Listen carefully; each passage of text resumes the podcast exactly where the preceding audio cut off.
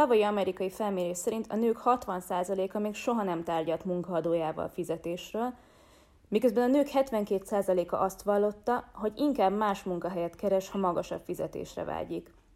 A problémát nem csak az okozza, hogy a nők alapvetően sem szívesen beszélnek a pénzről, de az is, hogyha mégis megteszik, több pénz helyett gyakran csak hátrányuk származik belőle.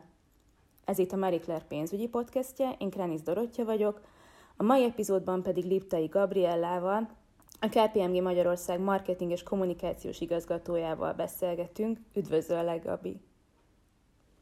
Szervusztok, üdvözlöm a hallgatókat, szia Dolly!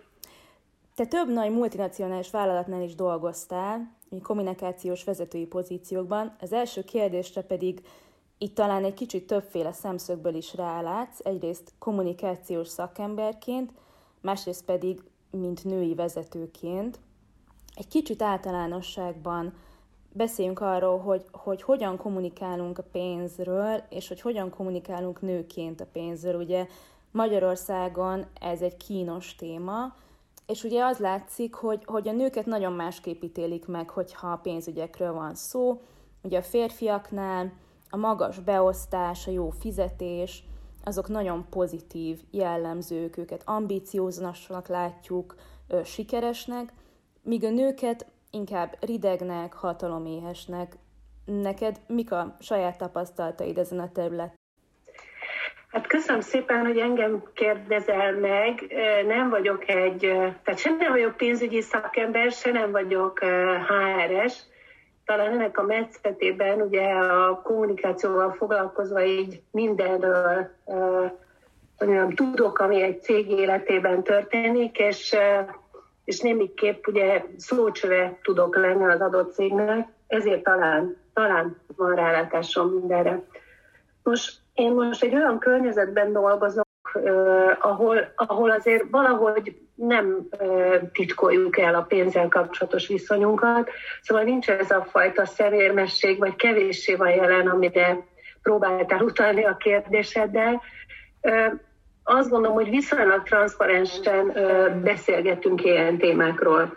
És ezt azért szeretném hangsúlyozni, mert én azért viszonylag hosszú időszakot tudok átfogni, mondjuk a szakmai pályámat azért mintegy 30 évvel ezelőtt kezdtem, és próbáltam most a, a beszélgetésünkre felkészülni, hogy visszaemlékezni, hogy, hogy most én voltam elkényeztetve ezekkel a transzparens környezetekkel, vagy, vagy, vagy ez régebben másképp volt, és hogy mostanra már elértünk egyfajta ilyen nyitottabb gondolkodást erről, de nem nagyon tudom visszaidézni, hogy, hogy ilyen szuper titkosak lettek volna a fizetések körülöttem, vagy akár, hogy olyan szabódva álltam volna, vagy, vagy, vagy hogy a környezetemben ez, ez megjelent volna.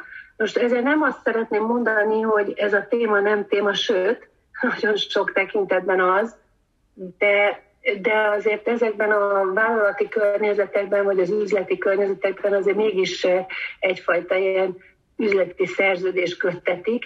Tehát van egy munkaerőpiac, ahol van valamilyen vagy nyomott, vagy nem nyomott szituáció, és hogy azért a, azért a cégek úgy nagyjából beárazzák a munkavállalókat, a munkavállalók többé-kevésbé tisztában vannak benne, hogy tisztában vannak azzal, hogy, hogy mit kérhetnék, és akkor elindul ez a fajta, nem azt mondom, hogy nyílt alkudozás, de azért egy ilyen látens módon. És hogyha ez egy, egy felelős cég, akkor nyilván azt is beárazza, hogy hogy ami a piacon kialakult, azt ő mennyire értékeli felül. Tehát Nekem ilyen közelítések jutnak eszembe, nem tudom, hogy el vagyok szakadva a valóságtól, vagy neked mi a meglátásod, de, de én így, így ezzel válaszolnék így elsőre.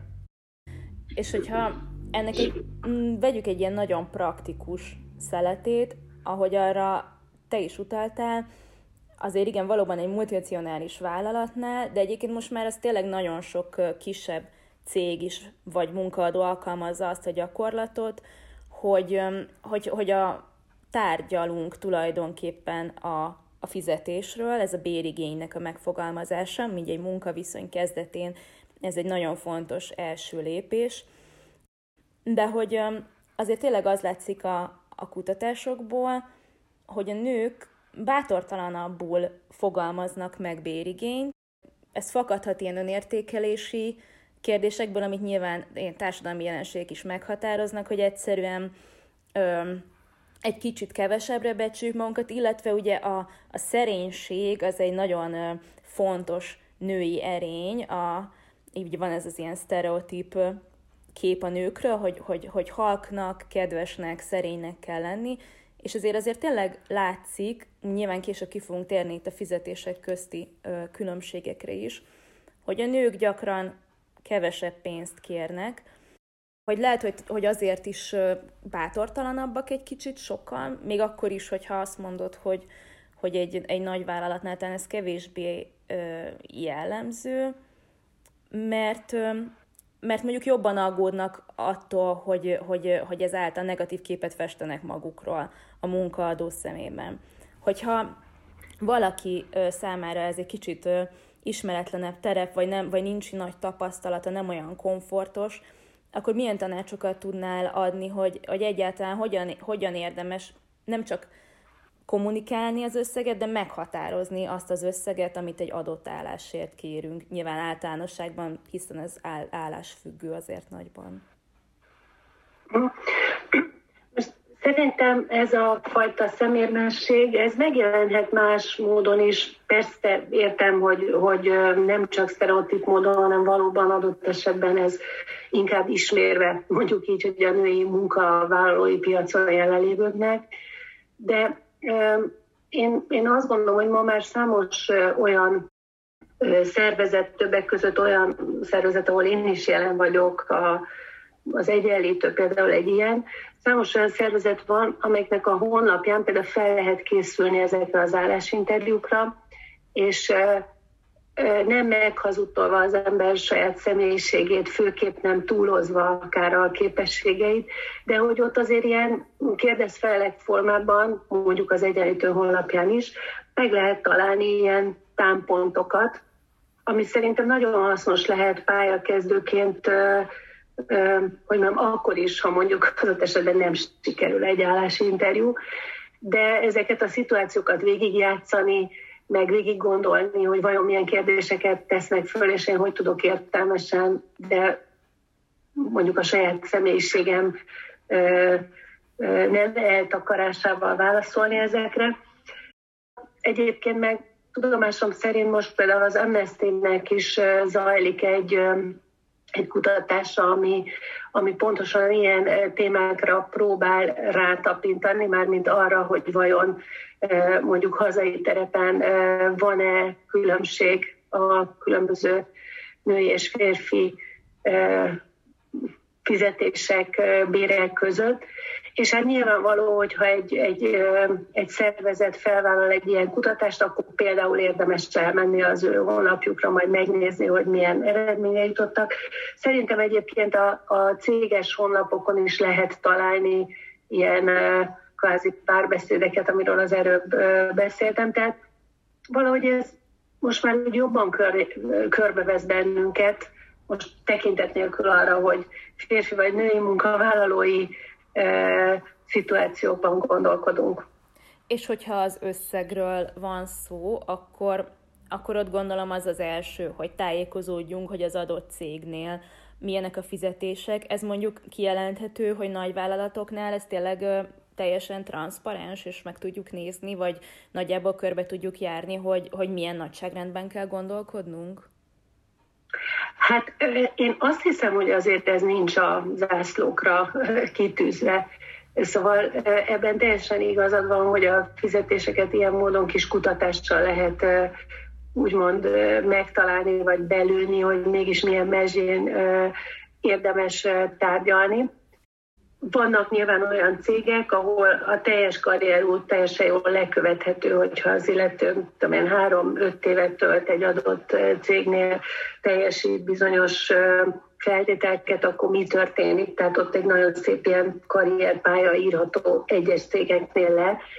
De azt hiszem, hogy ez nem ilyen hollap szinten található meg, mert ahhoz azért már közelebb kell kerülni az adott céghez.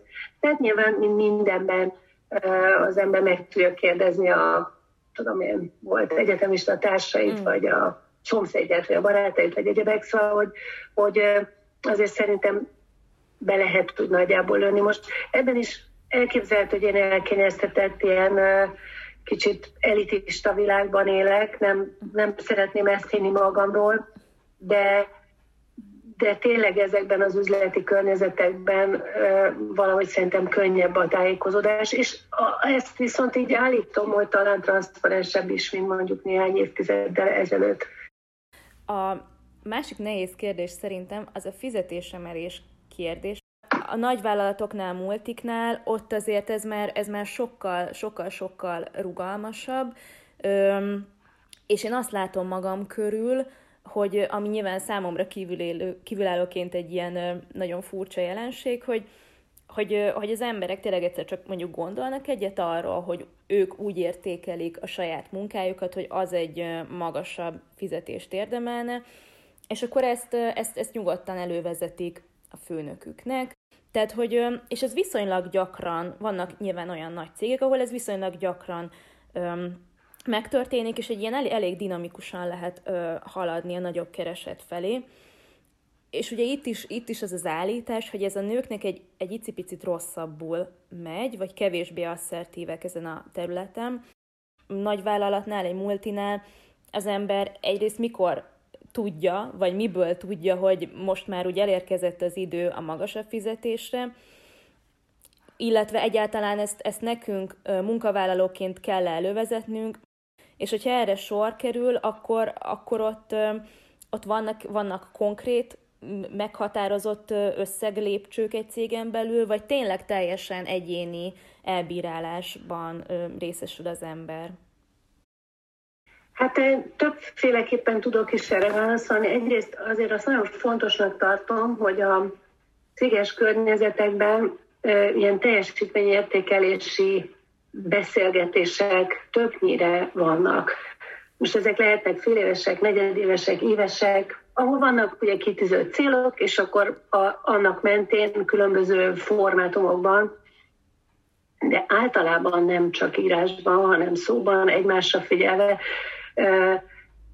zajlik egy ilyen értékelés. Na most szerintem egy ilyen éves értékelésnél az azért, ja, és ezek az értékelések ugye lehetnek 360 fokosak akár, tehát hogy, hogy ne csak a főnököt, hanem adott esetben egy ügyfél, vagy a beosztottjait, ha már van olyan, vagy a veled azonos szinten lévők, ugye úgynevezett pírek értékelnek téged, és mondjuk a, a főnököddel való éves beszélgetés alapján, ugye hát kialakul többnyire egy konszenzus, ha rosszul önértékelted magad, akkor hogy nem egy másik uh, síkon, de hogyha mondjuk hozzávetőlegesen jól, akkor, akkor, akkor ott van egy konszenzus, és a konszenzusnak adott esetben része lehet az is, nem csak a fizetés, hanem lehet végtelen továbbképzés, vagy nem tudom, külföldi munkavállalós, vagy valami on-the-job training, vagy bármi ilyesmi,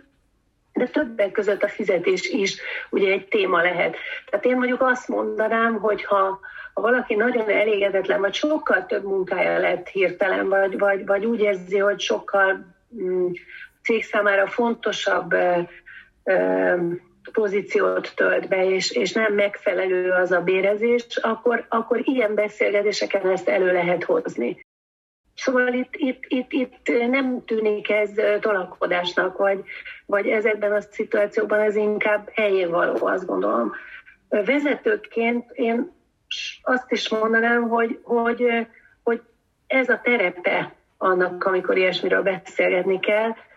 Ha ez elmulasztotta valaki az, az, az adott évben, akkor utána már olyan, olyan nehéz, nehéz mindenféle rendszert kell akkor ugye hozzáalakítani. Ugye mindenkinek van egy főnöke, akkor ott elő kell adni ezeket a, a, a kilógó ilyen eseteket. Szóval, szóval én ezt ajánlom, de hangsúlyozok még egyszer, nem vagyok HRS, tehát lehet, hogyha hallgatják ezt a szakértő kollégáim, akkor azt mondják, hogy jaj, ez nem, nem csak ez az egyetlen terepet, de ezt mondjuk így mindenképp javasolnám. Szerintem ez egy ilyen jó szituáció. És hogyha az összeg kérdése merül fel, hogy ott azt azt mi határozzuk meg, hogy arra gondoltunk, hogy mondjuk ennyivel, vagy egyszerűen csak megfogalmazunk egy ilyen igényt, hogy mi szeretnénk, vagy örülnénk egy magasabb érezésnek, és akkor arra majd kiderül, hogy a munkaadó milyen összeget gondol? Hát most ha engem kérdezel, a személyes véleményem az inkább az, hogy érdemes a tartalmakról beszélni, mit tettem le az asztalra, hogyan gondolkodom magamról, mit látok és nem tudom. És akkor nem számokkal, tehát nem szemérmeskedés miatt nem számokban gondolkodni, hanem inkább ezeket a, e, e, tehát mivel egy üzleti konszenzusról van szó, valahogy ezt az asztalra tenni. És egyébként e, az esetek nagy százalékában valami olyan történik ilyenkor, hogy, hogy meghallják ezt, és valahogy, valahogy ezek úgy harmóniába kerülnek. Nekem ez a tapasztalatom így az évek hosszú során. Tehát, hogy valahogy ez a balansz kialakul. De ahogy említettem, hogy, hogy másképp is felfogható ez, tehát szerintem van egy fontos pont, hogy vannak ezek az évértékelő beszélgetések, mindegy milyen formában, és, és mondom mindegy milyen peremfeltételekkel, de szerintem itt elő lehet hozni, és ez, és ez erre biztatnék is mindenkit. A másik ilyen megközelítés, ami eszembe jutott, az talán az, hogy, hogy az sem mindegy, hogy mondjuk milyen munkaerőpiaci szituációban vagyunk az adott pillanatban, amikor mondjuk ilyesmi eszünkbe jut. Tehát most, hogy egy nagyon uh, mondjam, nyilvánvaló vagy, vagy jelenlévő példát mondjak, hogy most nyilván a pandémia jó néhány olyan korábban akár nagyon szexi munkát, vagy, vagy, vagy munkakört adott esetben most sokkal lejjebb áraz be, most nem turizmus, vendéglátás, stb. Szóval sajnos ez most egy ilyen érintett pályakép, tehát nyilván itt fizetés emeléssel előállni, hát az elég bizarr most, sajnos. Viszont, viszont előfordulhat megint egy közkeletű példa, mondjuk informatikusok esetében, ami ugye egyre, most ugye nagyon szélesen vegyük, de mindegy, tehát a kódolóktól kezdve a, a bármilyen digitális témákban, nyilván sokkal nagyobb hely, tehát az az adott munkakör az sokkal nagyobb helyzeti előnyel indul, mint, mint az előbb említett másik. Szóval, hogy ez sem mindegy, hogy körülöttünk milyen mondjuk munkaerőpiaci perem feltételek vannak. Mm. És hogyha már a fizetésekről beszélgetünk, akkor azt gondolom, hogy nem, menhet, nem mehetünk el a gender pay gap-nek a témája mellett, vagyis a nemek közti fizetés szakadék, a fizetés különbség. Ez ugye az elmúlt években nagyon sokat foglalkoztak, minden egyes iparágban láthattuk, ahogy, ahogy előállnak ö, akár tényleg hollywoodi színészek, akár a nagy cégek, ö, akár politikus nők azzal, hogy, hogy ugye kimutatható különbség van a férfiak és a nők fizetése között. Sokszor területtől függően azért ezek egészen ö, súlyos összegek. És ami, amit nekem ezek a kiállások azért, azért mégiscsak ö, sejtetnek, és erről már azért beszéltünk előbb, hogy, hogy azért sokszor egy munkahelyen, projekten, cégen belül sem világos, hogy a kollégáink, akik adott esetben ugyanazt a munkát végzik, mint mi, mennyit keresnek. Mert nyilván, amikor ez kiderül, akkor tudunk rádöbbenni, hogy vannak ö, ilyen különbségek. Tehát először is ö, arra lennék kíváncsi, hogy, hogy neked, mint azért már egy hosszú tapasztalattal rendelkező nő, vezetői pozícióban lévő nőként, milyen tapasztalataid vannak ezzel, öm, hogy, hogy, hogy látod, hogy meg nyilván az egyenlítő kapcsán is van rálátásod, hogy, hogy te tapasztaltál ilyet, volt olyan, hogy mondjuk kiderült számodra, hogy egy férfi kollega többet keres, illetve hogy egyáltalán tényleg ezek, ezt, ezt hogyan tudhatjuk meg egy cégen belül, mikor, mikor derülnek ki ezek a különbségek? Hát tény az tény, tehát mondjuk uniós felmérések sokassága mutatja azt, hogy mondjuk akár csak az Európai Unión belül is azért ilyen mondjuk 25 és 10 százalék között szórnak az országok, mérnek ki ilyesmit. Megint szerencsésnek tartom magam, hogy ilyen saját szembesülésen mondjuk túl azon, hogy ezeket az országos statisztikákat nézem, és az egyenlítőbbet többek között ilyen célokért tettük le a voksunkat, hogy, hogy, hogy ilyesmire segítsük. Most személyesen az tulajdonképpen lehet azt mondani, hogy indiferens, hogy én nem, nem igazán szembesültem ilyesmivel, de szerintem két megfontolás nagyon idevaló. Az egyik, hogy érdemes azt mindenképpen nézni, hogy hát ugye biológiai szempontból is itt különbséget kell tegyünk, mert ha valaki ugye gyerekeket szül, akkor nyilván egy néhány évre kiesik a munkaerőpiacról, vagy többnyire kiesik. Ugye országonként változik, hogy mennyire, szóval mik a szokások, de mondjuk valamennyi időre bizonyára kiesik, és hogy, hogy akkor ugye egy későbbi időpillanatot hasonlítani össze a nők és férfiak esetében, most mondok egy példát, tehát mondjuk a 40 éves nő fizetését a 35 éves férfivel, és mondtam valamit, ha x évig otthon volt. Mm. Hát szerintem ez egy érdekes momentum lehet az összehasonlításokban továbbá. Az is, amit szintén ilyen kutatásokból olvastam, vagy tudok, hogy ugye a nők többnyire olyan, vagy nem többnyire, de a nők előfordult, hogy, hogy olyan szakmákban vannak jelen, amelyek egyébként alacsonyabb fizetéssel bírnak. Tehát ez is ugye torzítja, vagy torzíthatja ezeket a felméréseket, illetve nem torzítja, hanem befolyásolja. Aztán szokták még mondani, hogy ugye ami viszont az igazságtalanság oltárán így elmondható, hogy azokat a tevékenységeket, amik, amiket mondjuk a nők vagy többnyire a nők otthon végeznek, azokat meg nem árazza be sehogyan sem tulajdonképpen senki. Tehát most itt nem csak a exakt házi munkákra, hanem a, akármilyen ilyen családi feladatokra gondolunk. Mm. És szerintem további érdekesség lehet az, hogy, hogy, hogy azért főképp az északi országokban ugye hát nem egyedülálló, de akár már itthon sem, hogy a férfiak mennek el ugye ezekre a bizonyos otthon töltött családi évekre, mondjuk így a szülések után. Szóval azért azt gondolom, hogy ha valaki mondjuk 8-10 évet nincs jelen a munkaerőpiacon, akkor nyilván az már egy teljesen más munkakör, ahova visszamehet, és egy teljesen más munkaerőpiaci szituáció. De mondjuk egy-két év azt gondolom, hogy olyan nagyon nem számít ebben. Most lehet, hogy én vagyok ilyen nagyon optimista, uh-huh. majd te megcáfolsz. Igazából ezzel abszolút egyet is értek, meg nyilván nehéz erről úgy beszélni, hogy, hogy nem teszünk különbséget munkák és, és munkaterületek között.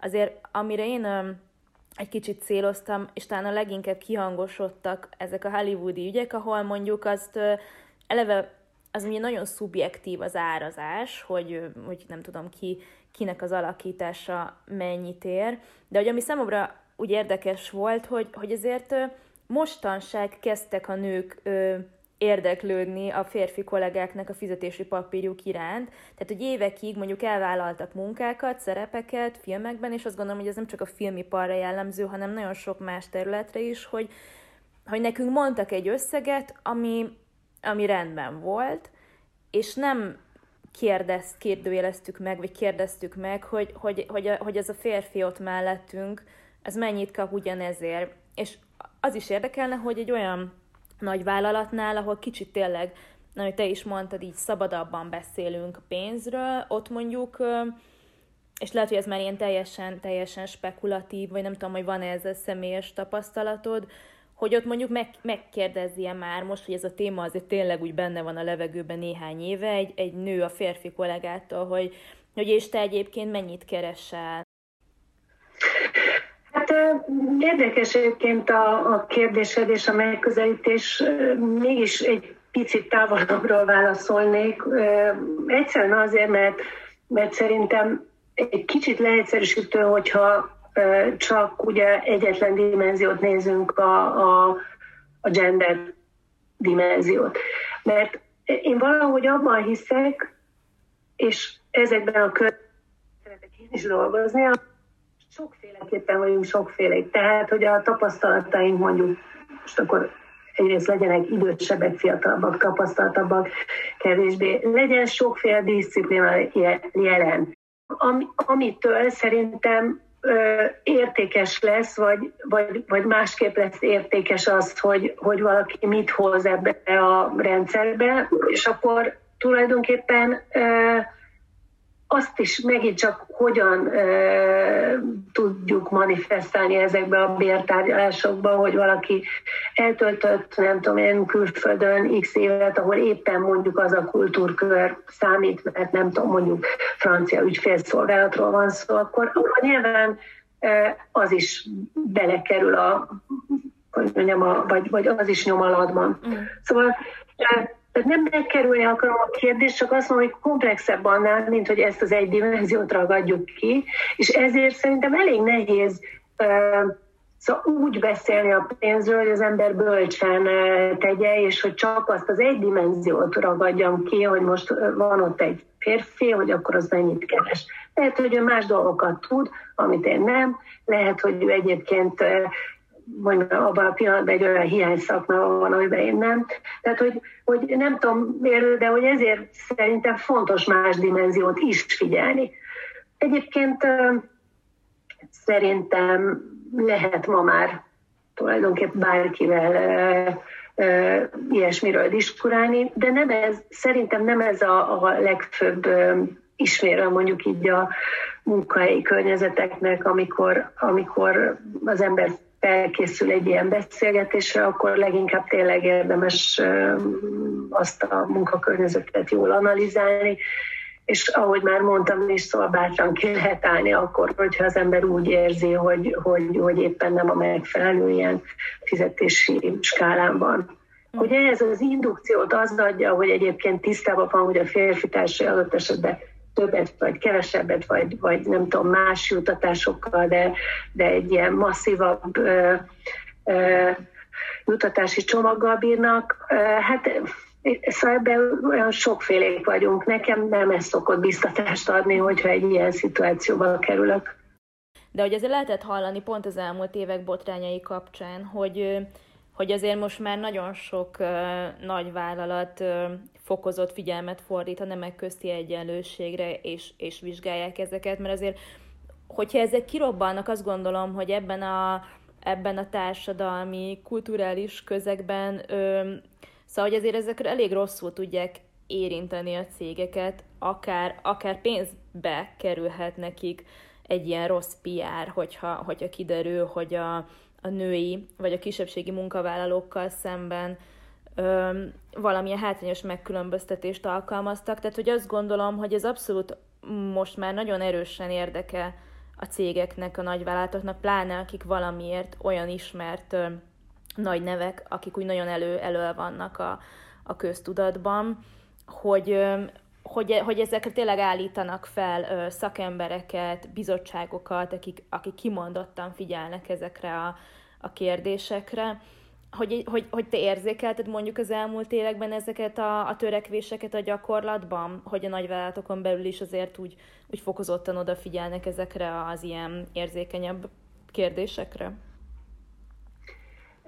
Igen, és azt mondom, hogy hála Istennek igen. Szóval e, erre meg valahogy úgy érzésben az a válaszom, hogy ez akár ilyen uh, mondjam, természetes módon alakult ki, akár egy felvett szokás, és érted a kettő között a különbséget, hogy most azért csinálom, hogy én eh, piszi legyek, vagy, vagy egyébként is így gondolkodom.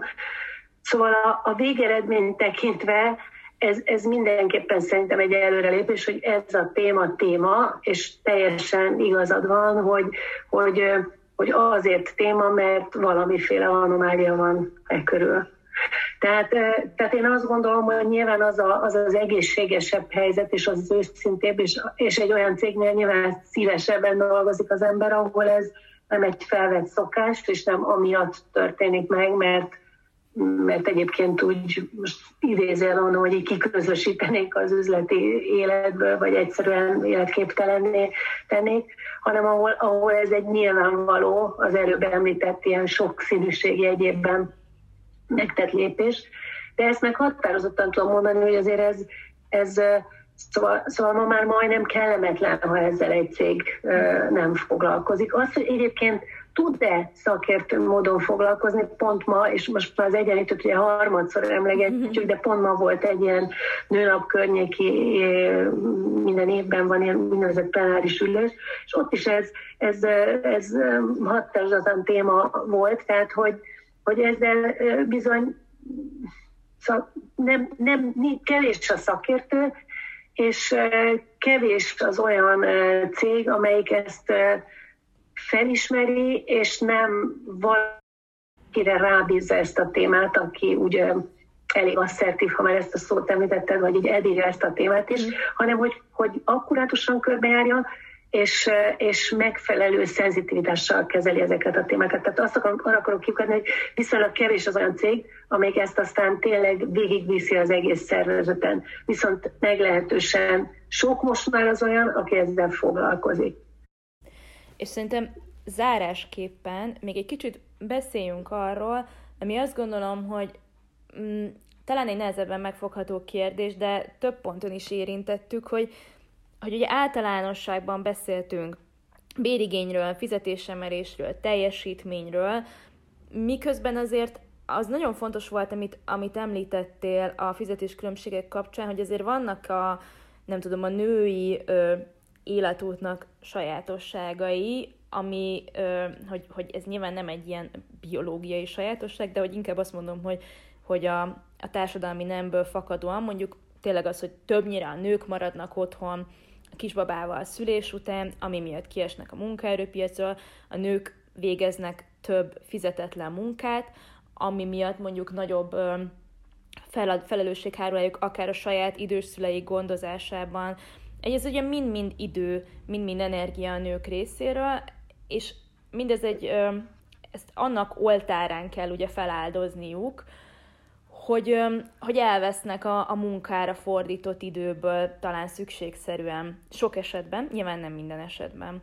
És nyilván vannak itt is előremutató tendenciák, de hogy egy olyan rendszerben, ahol azért a bérezés az nagyon-nagyon nagy arányban ezeknél a nagyvállalatoknál teljesítmény alapú, az mennyire tud igazságos lenni, ha azt vesszük, hogy hogy persze ez így nagyon szépen hangzik, hogy, hogy aki sokat túlórázik, az több fizetést kap, és akkor ez így első hallásra egy nagyon igazságos rendszernek tűnik, de hogy közben meg nyilván a nőnek, egy női munkavállalónak valószínűleg mennie kell mondjuk a gyerekekért óvodába, iskolába, segítenie kell mondjuk a szülőknek, neki kell intéznie a bevásárlást, a főzést, jó eséllyel, és akkor megint egy kicsit ott vagyunk, hogy lehet, hogy azért nem gyarapodik a fizetése olyan ütemben, mert ezek miatt, a rajta kívülálló okok miatt um, nem tud egyszerűen annyit dolgozni, nem tud annyit túlórázni, ő nem tudja a hétvégéjét rászenni, míg mondjuk, ugye ezt is voltak ilyen kutatások, meg, meg felmérések, amiben az látszott, hogy például a férfiak, ők, ők gyakrabban el tudnak menni az ilyen munkaidő utáni ilyen kis sörözésekre, a főnökökkel beülnek, még egy kicsit beszélgetnek, ami azért elég jót tud tenni az előmenetelőknek fizetés szempontjából, és míg mondjuk egy nőnek gyakrabban kell sietnie haza, mert várják a gyerekek, várják a teendők. Tehát, hogy azt szeretném kérdezni ezzel kapcsolatban, és itt nyilván abszolút a véleményedre vagyok kíváncsi, és a tapasztalataidra, hiszen azért rengeteg emberrel dolgoztál együtt ilyen környezetben, férfiakkal és nőkkel is, hogy ez, ez szerinted valóban, valóban így van-e, vagy változott-e, egy kicsit talán egyenlítődött-e, és hogy mennyire látott te ezek alapján igazságosnak ezt az előmeneteli rendszert, vagy hogyan lehetne talán ezt, ha nem látod annak, egy kicsit igazságosabbá tenni? Ezek nagyon, hogy mondjam, élő problémák, amiről, amiről beszélsz. Én szerintem ebből talán azt lehetne így pozitívan kihangsúlyozni, és mivel a saját tapasztalataimat kérdeztet, itt enged meg, hogy tényleg egy kicsit ilyen mikro szemüveggel mhm. lássam, szóval azt lehet kihangsúlyozni, hogy én például nagyon szeretek kismamákkal vagy kispapakkal együtt dolgozni, mert nagyon jól be tudják osztani az idejüket, pontosan amiatt, mert rengeteg egyéb feladat hárul még rájuk, tehát az alatt az x óra alatt, amíg viszont a munkahelyen a munkahelyi munkát végzik, azt valahogy nagyon hatékonyan, nagyon szervezetten, nagyon rákoncentrálva tudják csinálni.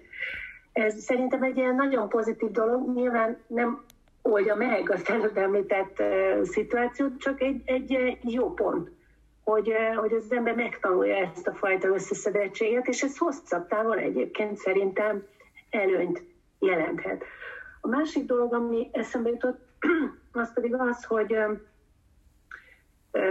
ez, ez nyilvánvaló, hogy, hogy nem tud adott esetben annyi időt szállni valaki az ilyen szociális további együttlétekre.